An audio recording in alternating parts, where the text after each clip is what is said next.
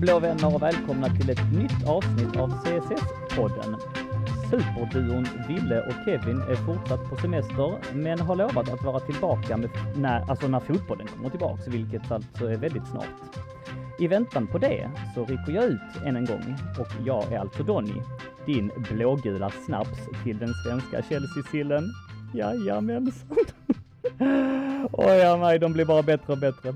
Förra veckan var det så förbannat kul att tugga med Kevin Bader, expert på sitt område. Och när vi ändå avverkar dem, avsnitten och experterna, så hälsar vi alltså Mr Headlines tillbaka till CSS-podden.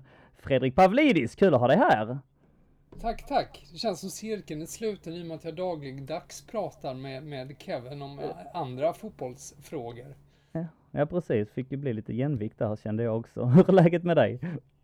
Ja, men det är fint. Det är fint. Eh, I dessa märkliga tider och eh, sen så försöka leta sig tillbaks på något sätt. Eh, famla eh, i mörkret som det känns lite när, när det gäller en, en ny en, eller inte en ny säsong, men det, det känns nästan så med återstarten av Premier League. Ja precis, eh, å ena sidan, å andra sidan kul med fotboll mitt i sommaren någonstans va. Men jag menar alltså stora delar av Europa, du följer den med lupp. Hur har det varit här inledningsvis? Vad är dina spontana tankar till att fotbollen är tillbaka och kommer tillbaks här till England?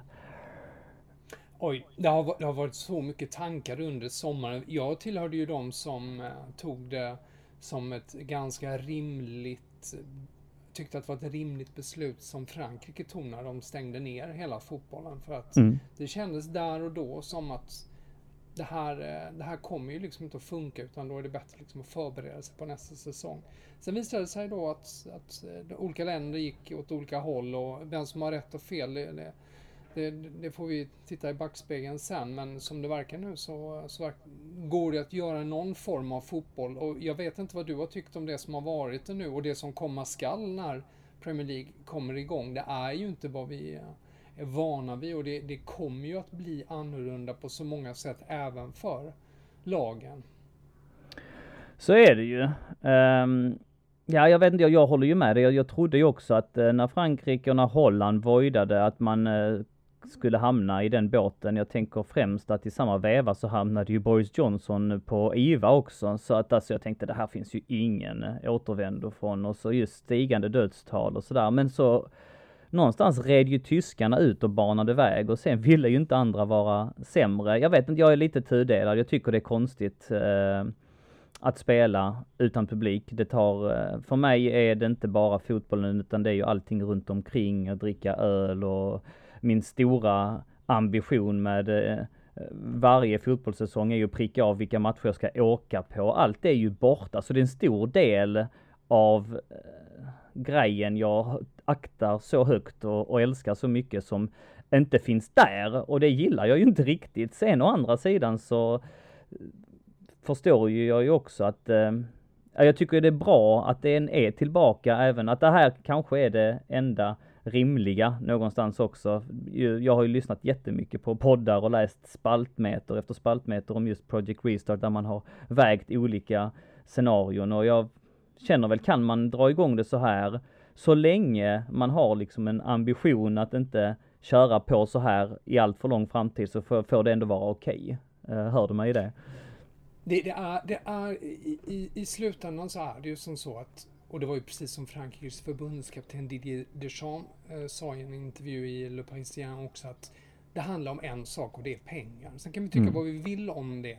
Nu, mm. nu är det ju liksom, och pengar, det har ju en otroligt negativ klang, men det handlar ju också om överlevnad då. Om, Eh, så att det är ju att ska det fortsätta och inte även stora klubbar ska gå i konkurs och allting. Men ska tänka på att mycket av de pengarna de, de trillar ju ner liksom i fotbollens näringskedja också.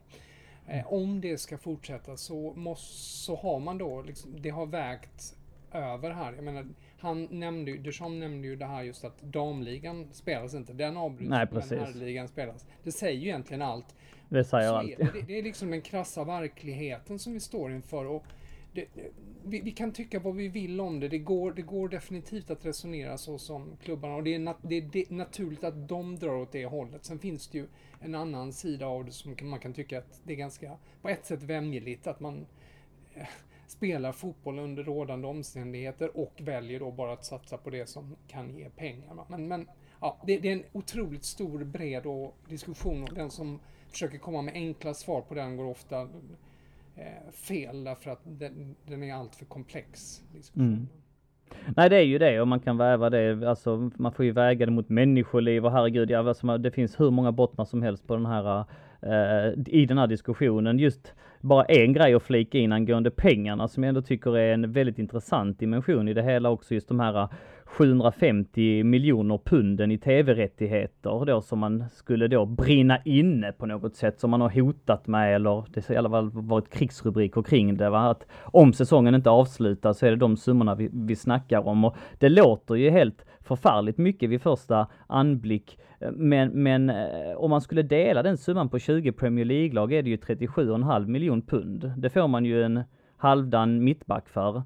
Och alltså det är ju en stor summa, men alltså eh, Aston Villas VD då va, eh, Christian Perslow sa ju att det är inte någonting i paritet med att bli nerskickad på felaktiga grunder. Alltså skulle man då spela utan hemmafördel, bla bla. Det kostar då potentiellt 200 miljoner pund menar han på. Så att, ja, återigen, många dimensioner i det där och vi ska inte snöa in allt för mycket, men man får någonstans lyssna in allt och, och, tycka vad man vill. Fotboll håller på i alla fall att komma tillbaka. Så kan vi ju konstatera att om ingenting extremt oförutsett kommer hända så kommer ju den här ligan spelas färdigt här i rasande takt under sommaren. Och detta är en Chelsea-podd och eh, eh, det oundvikliga fokuset kommer ju vara på Chelsea. Men innan vi dyker ner i just Chelsea i denna tid med dig, Sokrates höll jag på att säga. Ja, men det kan jag väl säga. Fredrik Pavlidis.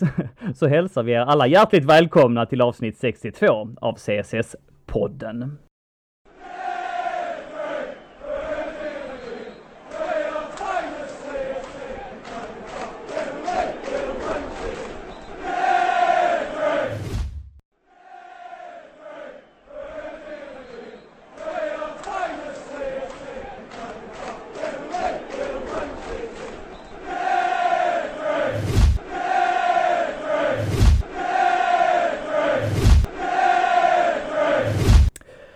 Ja, var Sokrates ifrån förresten? Ja, det var, det var ju en kombination lite högtravande sådär att man eh, ville eh, tycker att man dels har jag alltid gillat Sokrates, fotbollsspelaren, men sen finns ju filosofen som mm, dessutom mm. då var grekisk så att det passar ju mm. bra med mig och så vidare. Mm. Så att jag hade ju det då eh, på Svenska fans och det retade ju en annan då användare för att han hade det namnet på ett annat forum och den användaren var David Fjell. Jaha! du, det visste inte jag. Nej, det, det, det, är en ganska makalös slump. Eh, och uh, vi, det där har, vi, vi blev ganska bra kompisar med tiden dessutom. Så att, uh, det, det uh, är ju en lite märkligt sammanträffande just att, att vi båda hade just Sokrates. Men det, finns, det fanns någonting liksom något så stort med honom. Det fanns en sån elegans och plus en rebelliskhet vid sidan av planen som var eh, tilltalande. Som, eh, så att det, var, det bottnar framförallt i fotbollsspelaren Sokrates. Ja, häftigt. Om jag skulle slänga iväg en fråga till David Fjell på Facebook, eh, så om vem som har liksom patent på namnet, vem som tog det först, kommer han hävda att det är han, hans då? Jag vet inte, jag, eh, det, det, kan, det kan ju vara som en, alltså, som jag minns det så var det som sa att han, att han hade försökt ha det på Chelsea-forumet på Svenska fans, men då var det redan reggat där. så att det, det, det, så det var, med, så att det kan nog vara så att han hade varit först med det. Jag, jag kommer inte ihåg det, men det var, det var, det var ganska, eh, jag minns att han berättade om det själv nämligen. Så att, eh, ja, du får, jag får kolla med honom, eller du får kolla vid tillfälle. Ja, häftigt. Det, alltid lite roligt med sån kuriosa. Vi tryckte ju upp en flagga till dig ju här eh, förra mm. året när Chelsea mötte Malmö. Uh, och då stod det ju Socrates uh, Blue and Yellow Army på den. Det var några som frågade, he, he plays in Arsenal, doesn't he? som helt fel, det är inte alls den Socrates man tänkte på där. Så att det, det hade jag inte ens i åtanke att det kunde gå så. Men men, nej, så är det. Både du och Fjäll, stora profiler, tävlar om det namnet alltså. Intressant med kuriosa kring det. När vi precis gick till introt här så snackade vi alltså lite Corona, lite Project Restart, lite Chelsea. Hur tycker du eh, Fredrik att Chelsea som klubb har tacklat Corona fram tills nu? Chelsea är ju faktiskt väl, jag ska säga tillsammans med Manchester United av det jag har följt som har eh, tydligast utmärkt sig i positiv mening med att handskas med det snabbt och eh, tydligt och med stor omsorg faktiskt. Eh, Chelsea var ju otroligt snabba med att upplåta hotellet till eh, sjukvården och uh, har bidragit på många sätt även lokalt. Och man gjorde ju inte de här tabbarna som Liverpool och Tottenham och mm. Newcastle som fick väldigt dålig publicitet med sina korttidspermitteringar för, för de anställda. Det var aldrig något tal om det i, i Chelsea. Och på något sätt så eh, runda, har man ju rundat av det väldigt snyggt nu när eh, när damlaget vann eh, ligatiteln och eh, valde att skänka sina pengar då till eh, den här Refuge, eh, den här organisationen som ger stöd åt kvinnor och barn som utsatts för våld i hemmet, vilket ju också aktualiseras av coronakrisen. Så det, det går igen liksom, det har gått som en röd tråd. Och det här är man inte helt van vid vid Chelsea heller, att man agerar eh, eh med en sån tydlighet och sån emfas som man har gjort här eh. man har gjort det tidigare möjligen om man skulle ta vissa eh, rasismfrågor, inte minst antisemitismen då. Där man har varit otroligt tydlig, väldigt snabb och hård och så vidare. Men, men i, i, jag är väldigt, liksom, känt mig väldigt väl till mods med det, med hur de har handskats med det. Av det jag har sett, läst mig till och sånt, så, så tycker, tycker jag Chelsea och Man United är väl de två klubbar som har utmärkt sig mest positivt? Ja, man eh, följde ju upp också det här bara för att flika in med att upplåta hotellet med att bjuda eh, väldigt många eh, i, i den regionen som jobbar inom sjukvården och eh, eh deras eh, samarbetspartners, alltså andra väl, välgörenhetsorganisationer som, som mm. jobbar mot riskgrupperna, att bjuda dem på mat. Alltså mm. det var ju nästan 80 000 måltider under en sex veckors period som gick ut som Abramovic liksom bara, bara pyntade upp för också i detta som man också gjorde i allt. Ja, man, man, kan ju säga vad man vill om detta men det får ju bättre klang än det, än det Liverpool gjorde och, och väva in som du säger att man har tidigare eh, tagit aktivt eh, ståndpunkt mot rasism. Även det gjorde man ju för att någonstans så är det ju under samma tid. Va? Det har ju inträffat eh, även den här då stora skandalen i, i USA såklart, va, som har varit väldigt mycket på tapeten och där visade man ju också öppet sin ståndpunkt eh, för, för Black Lives Matters, där spelarna satt sig ner på ett knä och, och formade ett H och sådär. Alltså, väldigt mycket mycket och, och kraftfullt. Och, eh, alltså är detta en, kan man väga, väga in detta på något sätt? Är det ett tecken på något ja, men... större eller? Alltså, jag...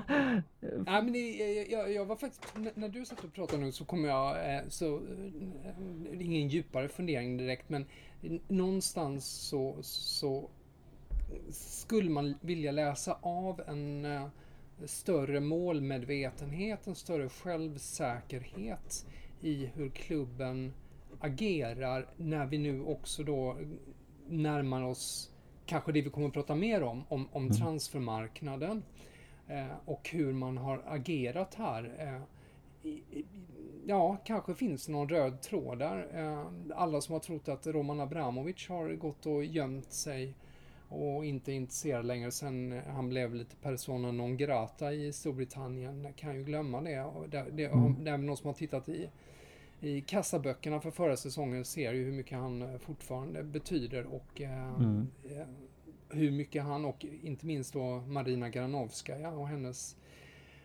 förehavande på transfermarknaden har betytt att i den här situationen Chelsea nu med den pondus man plötsligt agerar på, på transfermarknaden i alla fall. Mm. Mm.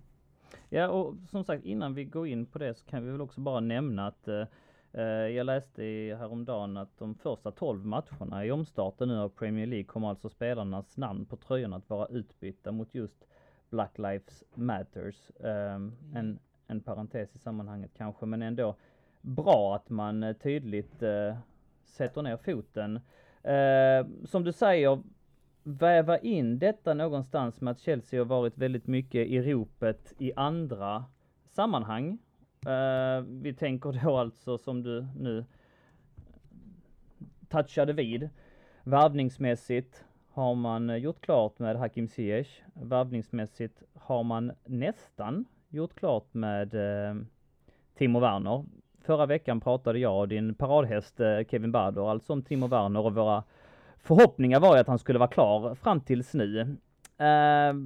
bara kort där, har du någon senaste info kring denna affär? Det, det, det, är ju ganska förvirrad information Om man då, som jag som sitter och läser tidningar i lite olika länder tidigt på morgnarna, då ser man hur den skiljer sig också. Oftast, man, man, kan alltid utgå från att engelska tidningar överlag har väldigt dålig koll. Så, så funkar det när det gäller det mesta. Det är faktiskt så. Sen finns det enstaka journalister som har eh, bättre koll än andra. Och det finns en del uppgifter, man, till, till exempel The Athletic, där finns det en del som, som har lite koll på läget. Men jag, jag skulle lita mer på Tyskland när det gäller de här uppgifterna. Mm. Till och med en bild som ju man brukar skälla på som en The Sun i Tyskland. Mm. Men de har ofta, de kan vara väldigt rätt på vissa saker. Eh, för, och återkommer man då till just Werner så har vi till exempel idag en artikel i Evening Standard i England. Det är ju en London-tidning, kommer ut nu, kommer ut på eftermiddagarna traditionellt och har en artikel nu med att idag så borde det bli klart. Mm. 15 juni, det är 53 eh, miljoner pund, skriver de. Mm. De här mm. uppgifterna, det, det stämmer ju inte alls med någonting man skriver i Tyskland. Där hade ju då Bild för några dagar sedan att nej, det är fel. Det är inte 15 nej, juli precis. som gäller utan det är 15 juli. Eh, och eh, Kicker som ju är en, en av de mest pålitliga tidningarna som jag känner till i Europa när det gäller fotbollen. De skriver idag att övergångssumman då är 50 miljoner euro. Vilket är ganska stor skillnad från 53 miljoner pund ändå. Och det, det, alltså, de, det finns ju en diskrepans där som är ganska stor mellan vad som står i engelska medier och tyska. Eh, sen så hade ju The Athletic då det här att var, varför, de hade mer detaljerat varför det inte hade kunnat rent praktiskt slutföras på grund av det här att man inte kunde göra en läkarundersökning heller. Ja. Att läkaren inte kan han kan inte åka till England för en läkarundersökning under pågående säsong för att eh, på grund av de coronarestriktioner som gäller inom Bundesliga. Läkare från England kan i teorin åka dit men, men de behöver sitta i karantän i två veckor sen eh, när de kommer tillbaks. Det, det, det, det, det är liksom inte eh, praktiskt att, att, göra det nu. Och då finns ju klart, klart då, då, så länge det inte är klart så är det ju inte klart. Eh, men, men de viktigaste beståndsdelarna finns där. Alla är ju, vem du än läser, alla är överens om att det finns en överenskommelse mellan eh, Werner och, eh, och Chelsea. Och Chelsea har signalerat att man kommer att betala den här utköpsklausulen, vilket ingen annan klubb har gjort. Så att på det sättet är ju allting på banan. Men det är klart att så länge inget papper, eh, så länge det inte är påskrivet så kan ju vad som helst hända. Låt, låt säga att Liverpool mot förmodan de, de säljer någon i sin anfallstrio mm. och Klopp eh, som ju är, står på väldigt god fot med Werner som ju gärna hade velat gå till Liverpool och han ringer. Ja, varför skulle han inte kunna ändra sitt beslut? Och om Liverpool också använder sig av utköpsklausulen. Ingenting är ju omöjligt men allt talar ju för att det här är på banan. Ja, Precis, det, det, det, var ju min avslutande fråga. Bör vi vara oroliga? Nej, e, egentligen, egentligen tycker man ju inte att, att man borde vara det. Men det är klart, ska, ska, skulle det hålla, vara så här i många veckor till så är det klart att man kommer sitta och vrida lite på sig mellan transfermarknaden med att kanske händer grejer där. Men eh, nej, i, i, i, i princip inte. Men det är ju som med vilket annat jobb som, jag menar du tackar ja till ett jobb. Du kan ju säga nej, du kan ju liksom mm. göra en jo, ja. utsväng så länge. Det, det, det, går ju alltid liksom. Så att, mm. men, eh, men, men det finns inga indikationer på att det, någonting annat skulle vara på gång. Det finns absolut ingenting som tyder på att det inte skulle eh, bli av. När blir det av då? Vad tror du? Eh, jag, det lutar ju inte åt att det blir eh, den här veckan i alla fall om man ska tro de här uppgifterna om att, att det är fram till den 15 juli så finns det ingen anledning att eh, jag, jaga ikapp det nu då när de inte kan göra läkarundersökning. Så att eh, gissningsvis, men det är ju bara min, min gissning, så tar det kan säkert någon vecka till. Eh, vad tycker du att det är en bra värvning om man, eh, om den, om, om vi nu eh, ponerar att den ros i hamn, vilket jag faktiskt tror att den gör?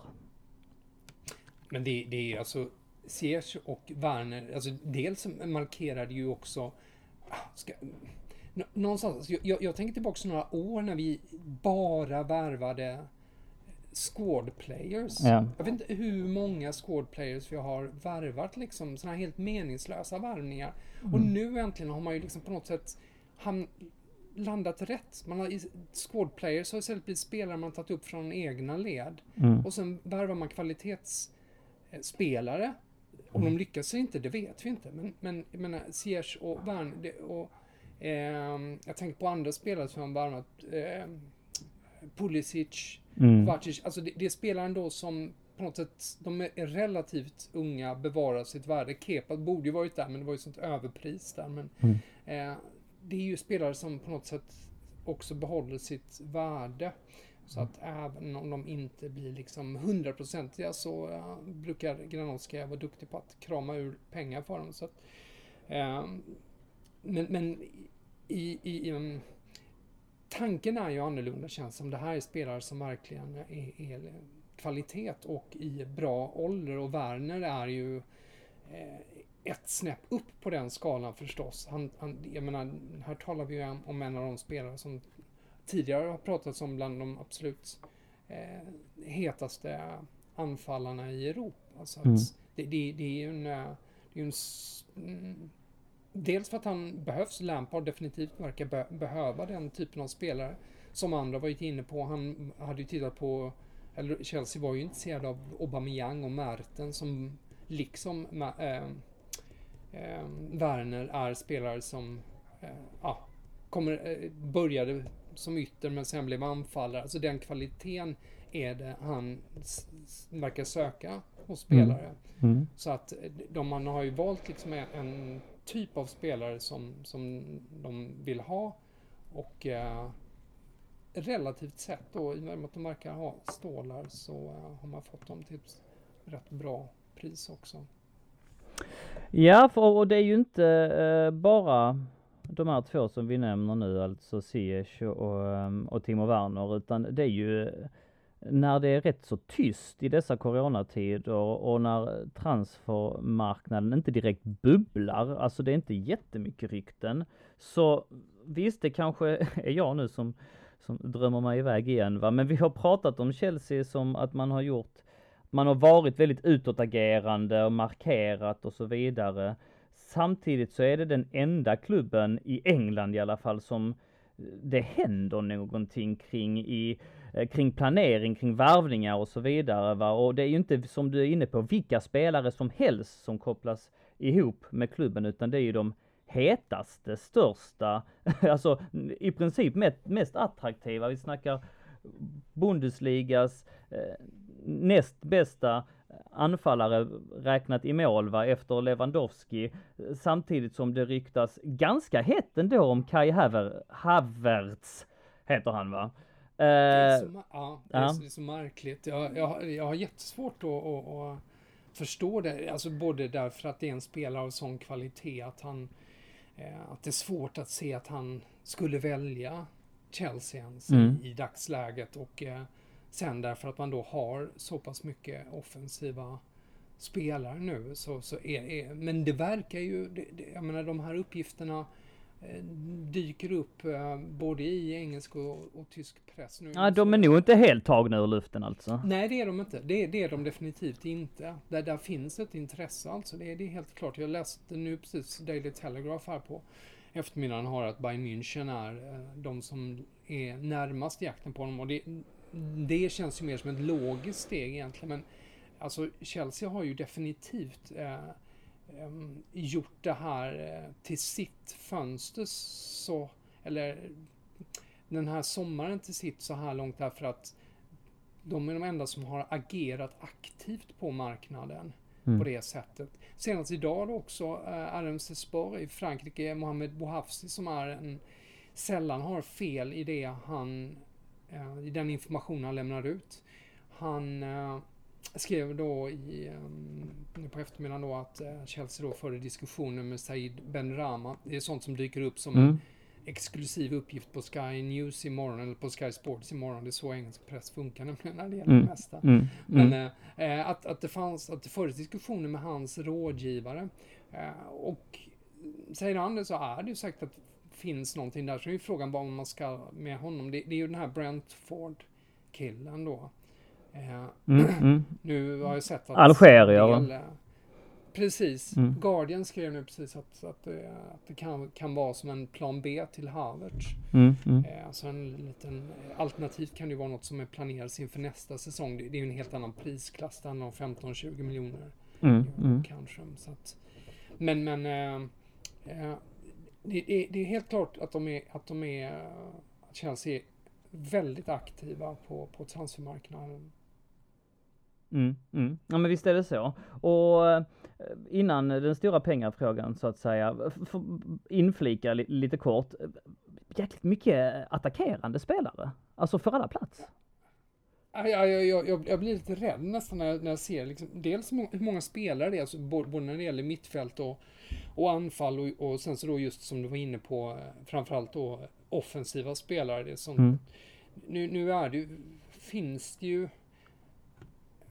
Ja, det kan, det kan ju finnas anledningar. Alltså, vi får ju se vilka som flyttar. Det finns en flera spelare som är skadebenägna då, som man får ju säga då att Pulisic och Hudson och och så vidare. Så att, eh, det, kan ju, det kan ju finnas anledning till att man bunkrar upp lite, mm. men samtidigt är, det verkligen eh, många spelare där och, och, det, det, kontrasten blir, tycker jag blir väldigt slående när man som bild hade liksom gjort någon sån här eh, grafik med så här kan Chelsea ställa upp. Mm, och, mm. Där, och så tittar man på backlinjen och tänker man, nej, mm. det här håller liksom inte. Ja, precis. Vi, vi förstärker anfallet mm, och, och mm. Har jättebra resurser där, men, men backlinjen och även i viss mån målvakten då är ju, eh, känns lite oroande. Ja, verkligen. Men eh, vi kan ändå inte liksom titta ifrån det här faktumet att Liverpool drog sig ut eh, Timo Werner-affären. Eh, alla någonstans rapporter man får från det lägret är att de inte har några pengar. Det är ett arenabygge, det är mycket, alltså de har inte byggt vidare på den truppen direkt som vann Champions League. Eh, nu har de ju gjort sina investeringar tidigare i en fantastisk målvakt och i en fantastisk mittback och att det betalar av sig. Så all respekt för den strategin. Men de är ju inte där och, och rotar i varvningskarusellen direkt va. Eh, Tottenham inga pengar. Ah, har Chelsea en jäkla massa deg och var kommer det ifrån? Är det bara att vi inte har varvat på två fönster? Är det Marinas extrema förmåga att bara trycka ut en massa pengar från mediokra spelare? 60 miljoner pund för en usel Alvaro Morata. Alltså 100-120 miljoner pund för en Hazard med ett år kvar på kontraktet. Är det Ab Abramovic som satsar? Många frågor nu Fredrik, men ja, mm. vad händer? Ja, men alltså, för, för det första, det, det, vi var inne på tidigare med att Abramovic, han har ju liksom aldrig varit borta, han har bara hamnat, eh, blivit mer tillbakadragen sen eh, hela den här historien med Storbritannien då. Så att mm, mm. han, eh, men det verkar ju då som, nu är inte jag någon expert på siffror, men det verkar ju som att han fortfarande är väldigt aktiv i att se till så att eh, hjulen rullar på i Chelsea, även om de här, liksom, de här ska man säga, riktigt viktiga bitarna som arenan och det här, det har ju tyvärr då fallit ifrån. Mm. Men, men när det har gällt, eh, men eh, när det har gällt det övriga så har, har han liksom funnits där och sen så det du var inne på då att Granovska har varit bra så tillvida att vi har fått ut eh, väldigt mycket pengar och med de här då stängda transferfönstren så är det ju liksom en kombination av flera saker som gör att Chelsea plötsligt då har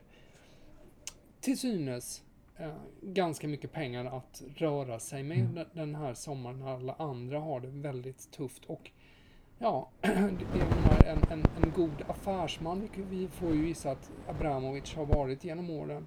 Vet ju när man ska agera.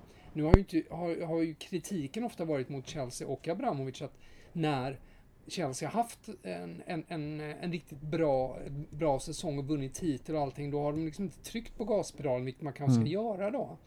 Men, men eh, när de har liksom haft den chansen att skapa sig den fördelen. Men den här gången så verkar man dra nytta av, av den eh, fördelen som klubben till synes då har. Men jag, jag menar, ja, hur, hur, hur de, det här verkligen går ihop ekonomiskt. Mm. Det är man osäker på. Men alla pekar ju på de här affärerna, precis som du var inne på, Morata, Hazard och sen så, så vidare, Palasic och så vidare. Som, mm, mm. Eh, har, det blir ganska mycket pengar och det täcker upp ganska mycket av, av de kostnaderna. Om man, om man då tar och jämför dem rakt av så här. Mm.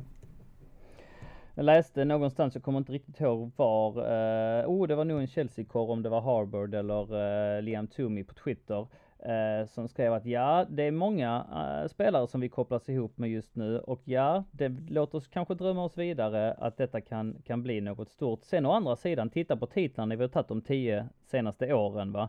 Ända egentligen sedan Champions League-titeln. Varje gång vi har vunnit en stor titel i Europa har vi placerat oss väldigt dåligt i ligan. Varje gång vi har placerat oss väldigt bra i ligan så har vi inte haft något Europaspel. Man måste ha ett riktigt, riktigt bra lag. Kanske är det det Abramovic nu försöker bygga på. Och ja, då förde man ju in ju allt detta som de här statementen som man, man, man ser och man läser in va. Kan detta vara början på en ny stor, liksom en tredje stor era under Abramovic? Ja, det, är ju det, det är ju det man gärna vill eh, hoppas och man vill ju gärna läsa in någon slags långsiktighet vilket ju mm. i sig går emot hur klubben under Abramovic-åren har agerat. För att det har ju mm. inte varit med långsiktighet. Vi har ju faktiskt nått framgångar med kortsiktighet. Mm. Eh, så att, eh, men man vill ju gärna, vill ju gärna läsa in att, att det finns den här, som det har pratats om, någon slags liksom treårsidé kring mm. det här, en treårsplan då med att då ja, börja med att spela in ungdomar i år, försöka liksom ta sig till Champions League nästa år och, och sen så sakta då liksom lyfta för att tredje året kanske på allvar slåss om titlarna. Mm.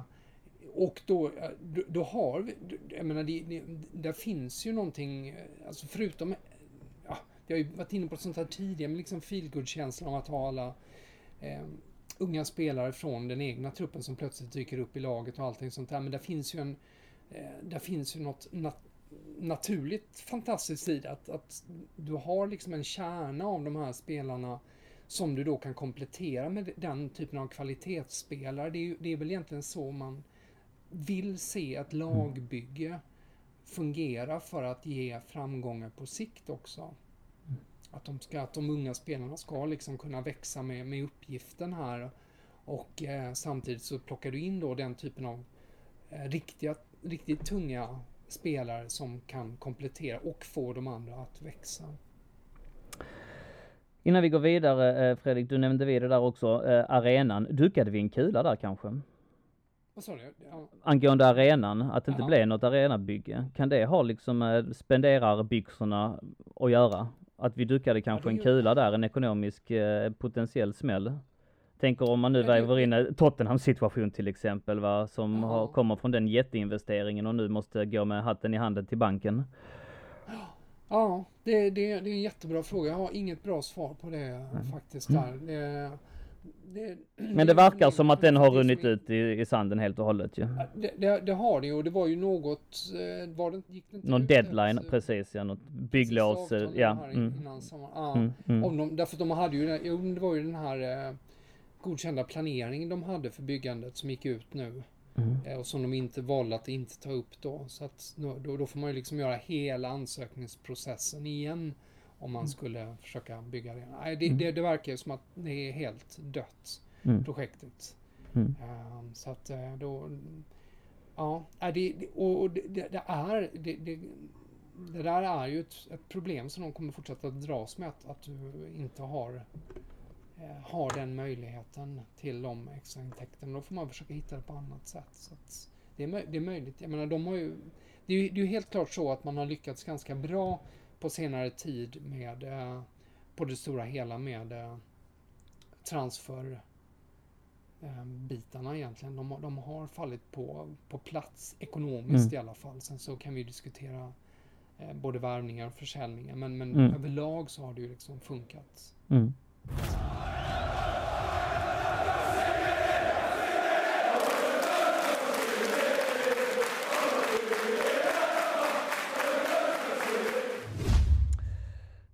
Fredrik, när vi har snackat nu eh, Corona, Chelseas ställning, Project Restart, vi har varit lite fram och tillbaka, mycket positivitet. Eh, enda lilla smolket i bägaren, eh, som du själv tog upp här också när vi pratade om vad vi skulle prata om i den här podden. Hur är det egentligen med N'Golo Kante i allt detta? Ja, det kan man ju verkligen, det kan man verkligen undra. Dels hur, hur han mår. Mm. Dels, och, då är, och då, då, är det ju både liksom fysiskt och psykiskt. Eh, det, finns, det finns ju väldigt mycket frågetecken kring honom och därav också att, att det inte är så konstigt att det dyker upp eh, transferrykten och att man, jag i alla fall, till min fasa kan liksom någonstans eh, nästan förlika mig vid tanken att ja, men det är inte omöjligt att han kan säljas. Och det, jag menar, Kanté är en av mina absoluta, absoluta favoritspelare på så många olika plan. Eh, så att, eh, men eh, det är eh, helt klart är ju att de har ju handskats så väldigt, väldigt varsamt med honom i den här situationen. Jag kommer inte ihåg om det var hans var det hans bror som hade... Ja, han har haft en bror som har alltså dött av eh, oförklarlig ja. anledning, fallit ihop, eh, något form av eh, hjärtfel eller om det var en infarkt ja. eller något sånt. Och själv har han ju också haft tydligen att han har svimmat av om det har varit vid en eller två mm. tillfällen. Så, och det, har man ju läst, skulle viruset sätta sig på hjärtat så är det ju inte bra nyheter så att säga. Nej, om man har något bakomliggande nej, också. Mm. Så att, eh, så att det, det, finns ju naturliga skäl till varför man måste liksom gå väldigt försiktigt fram med mm. honom nu. Och eh, sen så har det ju varit då dels eh, förändringarna eh, rent spelmässigt när han skulle vara liksom någon slags box-to-box player eh, mm. tidigare och, och, försöka hitta liksom tillbaks till den positionen han var ju så fantastisk i tidigare. och plötsligt med skador och allting. Det, det finns så många frågetecken känns det som när det gäller Kanté. Vad är han nu? Är han 29, 30? Mm, mm. Ja. Och det bidrar ju också till att man eh, ställer sig lite fråge, frågande till eh, vad som komma skall. Och, och det finns ju ganska många spelare plötsligt. Kanske inte exakt, exakt hans liksom, Makelele, traditionella klassiska Makelele-roll som han hade i alla fall tidigare. Mm. Eh, men eh, många andra spelare som, som kan göra hans jobb också på, på mittfältet. Så att på ett sätt är, är, man inte lika bunden av honom, men man skulle vilja ha tillbaks den Kanté man, eh, som har varit där. Plus att han verkar vara en sån skön människa som bara sprider liksom, glädje omkring sig med sin glada uppsyn. Ja visst, visst, nej det hade man inte ens, eh, men det är samma här för mig att jag liksom börjar, börjat närma mig tanken att uh, man kanske är villig att casha in på honom helt enkelt. Kan det vara så? Ja, det, det om, om, dels om man skulle liksom, om någon av de här stora klubbarna, riktigt stora klubbarna, om vi pratar om typ Real Madrid eller något sånt här som, som skulle, nu, nu tror jag inte just det är aktuellt längre, även om det har nämnts tidigare, men att han skulle göra ett sånt steg och försöka göra en sån satsning. Han har ändå varit då i eh, tagit stegen upp då med Leicester och sen Chelsea. Mm, mm. Eh, det ska man ha full förståelse för och om Chelsea får in pengar där, ja, det, det är ju inte helt orimligt. Jag, jag skulle se det som ja, jag, jag skulle inte inte bli så ledsen som jag hade blivit för ett år sedan. För då hade jag på riktigt blivit ledsen. Mm. Men eh, nu är, är, situationen väldigt annorlunda. Och som sagt, Chelsea har ju faktiskt klarat av att spela ändå bra utan honom också. Absolut, visst är det så. Och eh, spela ska de ju. Uh, om vi har pratat uh, om Chelsea i generella termer så får vi gå in lite grann på Chelsea i uh, nutid också. Eh, laget har inte spelat sedan den eh, 20 mars när man vann över Everton med 4-0. Eh, den matchen var jag så. Sen så blev det lockdown. Mycket intressant. vi hade ju medlemsresan då, men det var ju fantastiskt. De hade ju verkligen fått upp ångan och Billy Gilmore gjorde en jättematch. många det, det jag, jag, tog med mig från just den sista matchen där var att skadeläget var väldigt stort. Va? Tammy Abraham var borta, Kante var borta, Kovacic var borta, Pulisic var borta, Callum Hudson-Odoi var borta och Jorginho var avstängd på grund av för många gula kort. Sedan tidigare var då Ruben Loftus-Cheek och även Van Rinkel långtidsskadade. Du, Van Rinkel ryktas ha blivit erbjudet ett nytt kontrakt. Kan det vara någonting? Ja. Ja, nej det, det, det är nog, eh, det känns mer som deras nya drive av, eh, av att vara schyssta på något sätt. Mm, mm. Uh, det, det, det är nog snarare det. Mm. Men jag, jag såg också det att han, att Mm. han det, var, det var ju lite förvånande ändå. Han stackaren har ju varit Ja. skadad så jäkla länge. Å andra sidan knyter man upp honom genom ett nytt kontrakt så kanske man kan sälja honom. Uh, han ju gå gratis annars så, att Så, det kanske så, finns så. en sån tanke i det Ja, hela också. Finns, finns också, finns också i det. Eh, I den uh, närmsta tiden här så har man spelat två stycken matcher. Eh, en mot Reading, där har det funnits lite, även om de varit dåliga, men det har ändå varit lite rörliga bilder. Där såg man bland annat Pedro göra då matchens enda mål 1-0 och en mot QPR 7-1 blev det i den matchen. Jag har läst mig till att Ruben Loftus-Cheek har varit tillbaka med buller och bång. Är det en bild du delar? Ja, är som, jag har ju har inte sett en enda... Jag har inte sett... Nej, den sista matchen finns det nog inte ens, eh, för jag har sökt Nej. här eh, idag, så jag tror inte det finns Nej. ens rörliga bilder från den, men Men, men, eh, men det, det, alltså det, det är ju helt fantastiskt om... Nu, nu, jag, jag räknar ju inte riktigt med Loftus Cheek på allvar. Alltså jag, jag har svårt att, att, göra det ändå. Mm. Alltså jag, jag kan tänka mig att han kan s- spela sig in emellanåt här. Så han kommer, jag, jag har så svårt att se honom som en startspelare nu till exempel. Men bara att han är tillbaka, att han håller. Ehm, det är ju eh, liksom ett sån otrolig glädje för att ja, om han i förlängningen kan komma tillbaks på, på riktigt allvar så, så är det ju en fantastisk extra resurs. Eh, och det, det, är, ju- alltså det är ju en underbar spelare. Det, det är egentligen en av mina favoritspelare som var när han bara för liksom något år sedan innan, Mm. innan knät gick sönder. Eh, så att då, eh, det var ju verkligen så här man kände att, man, att han, han, han är bra. Så det, det, det drivet han har och den, den eh, styrkan och eh, tekniken och känslan. Det var, det var så mycket med honom att, Mm. att tycka om. Men det har ju, alltså det var ju, han har ju hela tiden haft dessa skador. ja, det är ju tyvärr det. Ryggen framförallt Ja. som verkar ju närmast vara kroniskt. Så Mm, mm. det, är, det jobbiga med honom är ju att det är så svårt att att veta om det är en spelare vi, vi kan lita på. Utan det, det får ses som en bonus eh, till att börja med om, om man kan vara med. Och det var otroligt kul att se att han, eh, att, att han fick göra mål. Eh, Mm. Två stycken var det väl senast då också. Mm, mm. Eh, och sen så då Gilmore som är bara ett unikum verkligen. Det är, känns som smått overkligt som man avslutar. Men det du var inne på, de här, de här matcherna. Det är jäkligt surt när det kändes som att de ändå hade kommit igång där igen. Mm. Efter en svag period och sen så gjorde de här matcherna mot Liverpool och Everton. Ja, precis. Och man ville fortsätta och sen så kom det här så att Chelsea har ju lite, på ett, på ett sätt så känns det som att eh, Chelsea har liksom mest att förlora där i toppen med att de ligger på den där fjärde platsen och det är de som hade eh, hade momentum lite och sådär. Så att, eh, ja, Ja. li- lite surt av den anledningen men det ska ju bli, bli eh, som sagt, du var också inne på det här med liksom att man får tillbaks en del spelare också. Mm. Ja, det var där jag tänkte knyta ihop påsen att det, det känns som att eh, de rapporterna man får i alla fall, eh, rätt mycket från Atletic faktiskt på sista tiden som jag har lä- läser in mig på. Det känns som Mm. att de har rätt bra koll eh, sista åren alltså. Mycket inside där, men det känns som att laget är intakt. Eh, Reece James har varit lite eh, småskadad här i eh, upprinningen till eh, återkomsten av Premier League. Missade då den här 1-0 vinsten mot Reading, men var tillbaks mot eh, QPR och eh, gjorde det bra den tiden han spelade.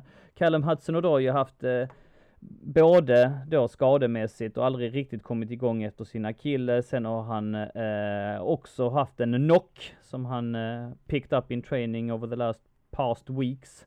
Eh, framförallt kanske stökigt vid sidan om med en eh, eventuellt rätte, en rättegång som loomade då men som det inte blev någonting av. Han stod ju anklagad för eh, våldtäkt vilket är synnerligen allvarligt men man får väl lita någonstans på att eh, utredningen har gjort sitt och att han nu faktiskt är clearad, eller hur?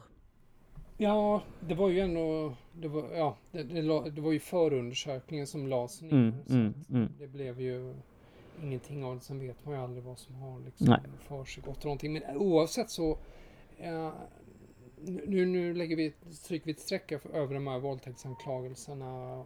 Eh, eh, men eh, oavsett så var det ju också ett, en, en coronaregel. Corona, precis. Överträdelse. Mm. Det har ju funnits en del grejer liksom kring en eh, kring Callum Hudson och Doy som inte har känts riktigt bra egentligen. Det har varit mycket mm. liksom små grejer plus Faktiskt. att man inte riktigt har levererat Mm. så som man hade hoppats efter han fick sitt Mm. feta kontrakt där. Så det, det, är- det, det, han är ju onekligen ett frågetecken eh, på många sätt och nu får han ju dessutom då ännu mer Mm. konkurrens. Så att han, han, får, eh, han får kliva, han får, mm, det är dags verkligen att han kliver fram nu. Visar att han att det inte bara är liksom en potential utan att det är mycket mer.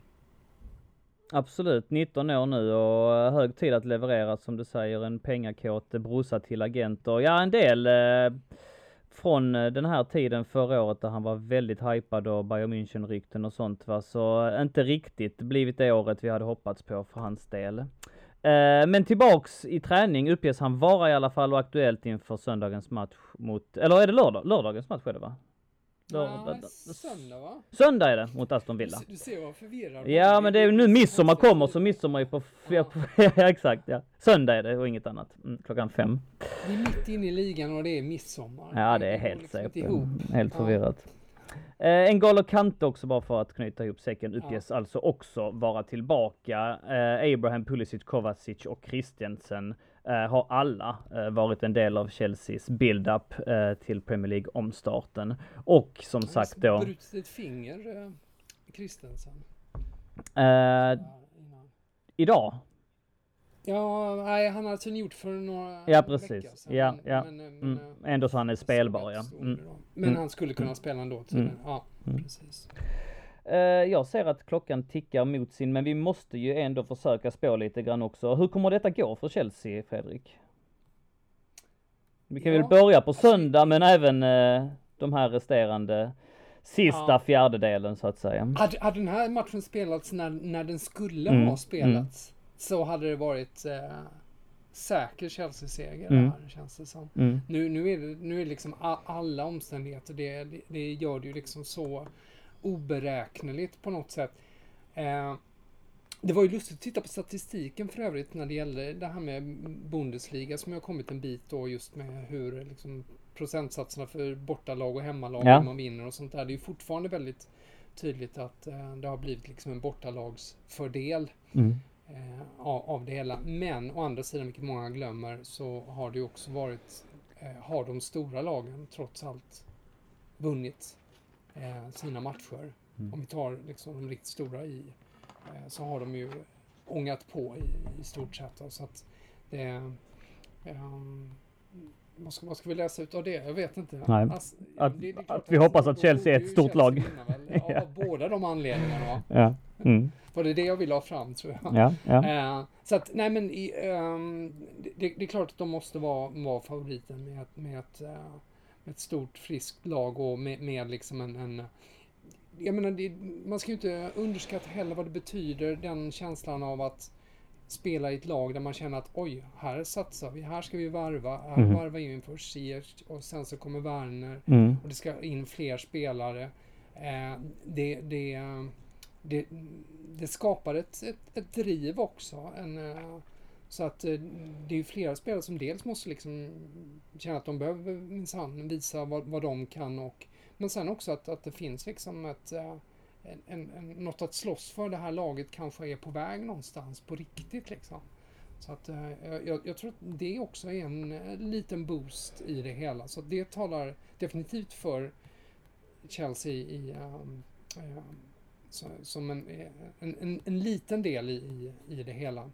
Sen, eh, sen på längre sikt är det lite svårare. Jag, hade ju inte, jag hade ju inte med Chelsea i kamp om Champions League-platsen, men så är jag ju kroniskt eh, negativ när det gäller, pessimistisk när det gäller sånt där. Men, men eh, det, det är klart att fjärdeplatsen är ju säkert både klubbledningens både förhoppning och förväntning och eh, något eh, Lampard också räknar med att man bör klara, men det är alltså vi pratar om det att Chelsea får tillbaka spelare. Det är ju inte bara Chelsea som får det. Nej, precis. Uh, om man tittar på till exempel med Kane tillbaka och sånt där som inte skulle ha varit med annars. Och, mm, mm. Uh, och uh, vi har lag som United som jagar liksom efteråt. Så att,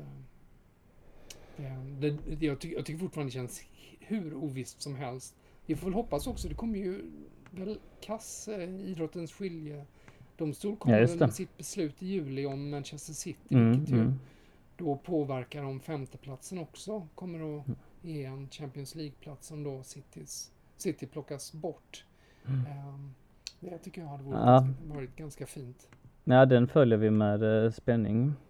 Eh, du bockade av de sista frågorna jag hade där till dig också. Alltså det var alltså vad hade du för förväntningar och vad tror du att ledningen har för förväntningar? Är det någonting du vill Aha, utveckla okay, okay. där? Nej men du har ju nämnt det redan ju men, men just eh, det här, de här sista matcherna. Eh, och då samtidigt som jag tänkte runda av med, hur mycket tror du att, för du sa det här innan, när pratade i termer om en treårsplanering, att det kanske, jag fick nästan lite känslan av att det kanske inte gjorde så mycket om man missade Champions League i år, för att det var ändå nästa år man skulle ta nästa steg och så då först tredje året man skulle konkurrera om de stora titlarna. Men hur mycket betyder en CL-plats, alltså just här och nu? Ja men det, det, det betyder ju, dels är det ju förstås det underlättar ju när det gäller de här större värvningarna. För oss så ska man ju vara ett Champions League-lag helt mm, klart. Mm. Sen är det ju de facto pengar och ska man fortsätta eh, så behövs pengar för att satsa ytterligare. Dessutom så tror jag ju också att eh, för spelarna och i truppen och när du liksom ska växa då behöver du ha det den miljön också. Då måste du vara liksom bland de bästa. Mm spela i de miljöerna. Det är där man vill se de, liksom, de här spelarna, Mason Mount och, eh, och Reece James och dem och, och, och få liksom se att de kan verkligen ta det steget fullt ut och de kan känna att de är det här är liksom deras hemmamiljö. Det är ju sånt som liksom växer fram någonstans i omklädningsrummet också, den här känslan av att vi tillhör de bästa. Mm. Uh, så det finns, jag tror det finns jättemycket psyko psykologi kring den här Champions League-platsen också. Att man känner att man tillhör det sällskapet, mm. det finrummet på något sätt. Mm. Uh, förutom det rent liksom, ekonomiska. Nu kommer ju Chelsea säkert att klara sig bra ändå, kanske fortsätta eh, sin, sin satsning och har ju den här liksom grunden då. Men, men eh, det skulle ju definitivt betyda oerhört mycket att, att, eh, att säkra den där fjärdeplatsen. Helt fantastiskt Fredrik, så är det. Och den sista kruxfrågan blir det då, gör vi det? ja, men jag, du vet ju, alltså jag, jag är ju mer sy, eh, sydländsk, eller syditaliensk skulle jag säga, närmast napolitansk med att eh, inte våga jinxa någonting. Så jag, jag, kan ju inte svara på att bli fyra, för då vet jag att vi inte blir det. Så jag, jag det kanske går bra. Ja. ja, det kanske går bra. Det kanske går bra. Skitbra Fredrik, tack så jättemycket. Vi sa, jag vet om att jag fick av dig, kan du hålla det Daniel till 45 minuter? Det blev 55 minuter, men lyssnarna don't mind, det kan jag lova dig. Och, och jag får tacka så jättemycket för att du ville vara med. Tack själv för att vara med. Ja, det har varit jätteroligt. Det är ingenting som vi har missat, eller hur? Som du känner att vi behöver ta här avslutningsvis. Jag tycker att vi bockade av alltihopa och det blev ett kanonavsnitt. Ja, men vad bra. Ja. Bra. Ja, ja men vad bra. Då vill jag bara säga avslutningsvis att ni jättegärna får följa oss på sociala medier. Gör det för bövelen. Leta upp oss på Instagram och följ oss på Twitter för att det följarantalet är väldigt välkommet om det kan få växa lite grann. Så Instagram och Twitter in där och läs såklart våra dagliga artiklar på Svenska fans. Vi ska snart öppna upp ny rekrytering så vill du vara med och skriva om världens finaste blåa lag så Håll ögonen på Svenska fans, kommer en annons upp alldeles strax. Är du inte med i CSS-podden-gruppen på Facebook så bli det. Gilla, stötta, peppa och var snälla, inte bara mot oss utan mot alla vänner där ute i Chelsea-Sverige. Och håll koll på Fredrik Pavlidis! Spalten Headlines går varm och där kan ni läsa allt matnyttigt om det mesta i fotbollsvärlden varje dag. Nu också i podd, eller hur? Så är det, vardagar i alla fall, inte varje vardagar. dag, lördag, söndag, tar ledigt. Ja, det kan du, man ju tycka att du kan få vara värd när du vaknar klockan tre eller någonting och plöjer igenom hela världens fotbollstidningar. Följ även honom på Twitter, vad heter du där Fredrik? Eh, Fred Pavlidis. Fred Pavlidis på Twitter. En eh, twittrare med stort följarantal och eh, mycket matnyttigt även där. I ett par lurar nära dig dyker snart Ville och Kevin upp igen och tills dess säger vi carefree och up the chills!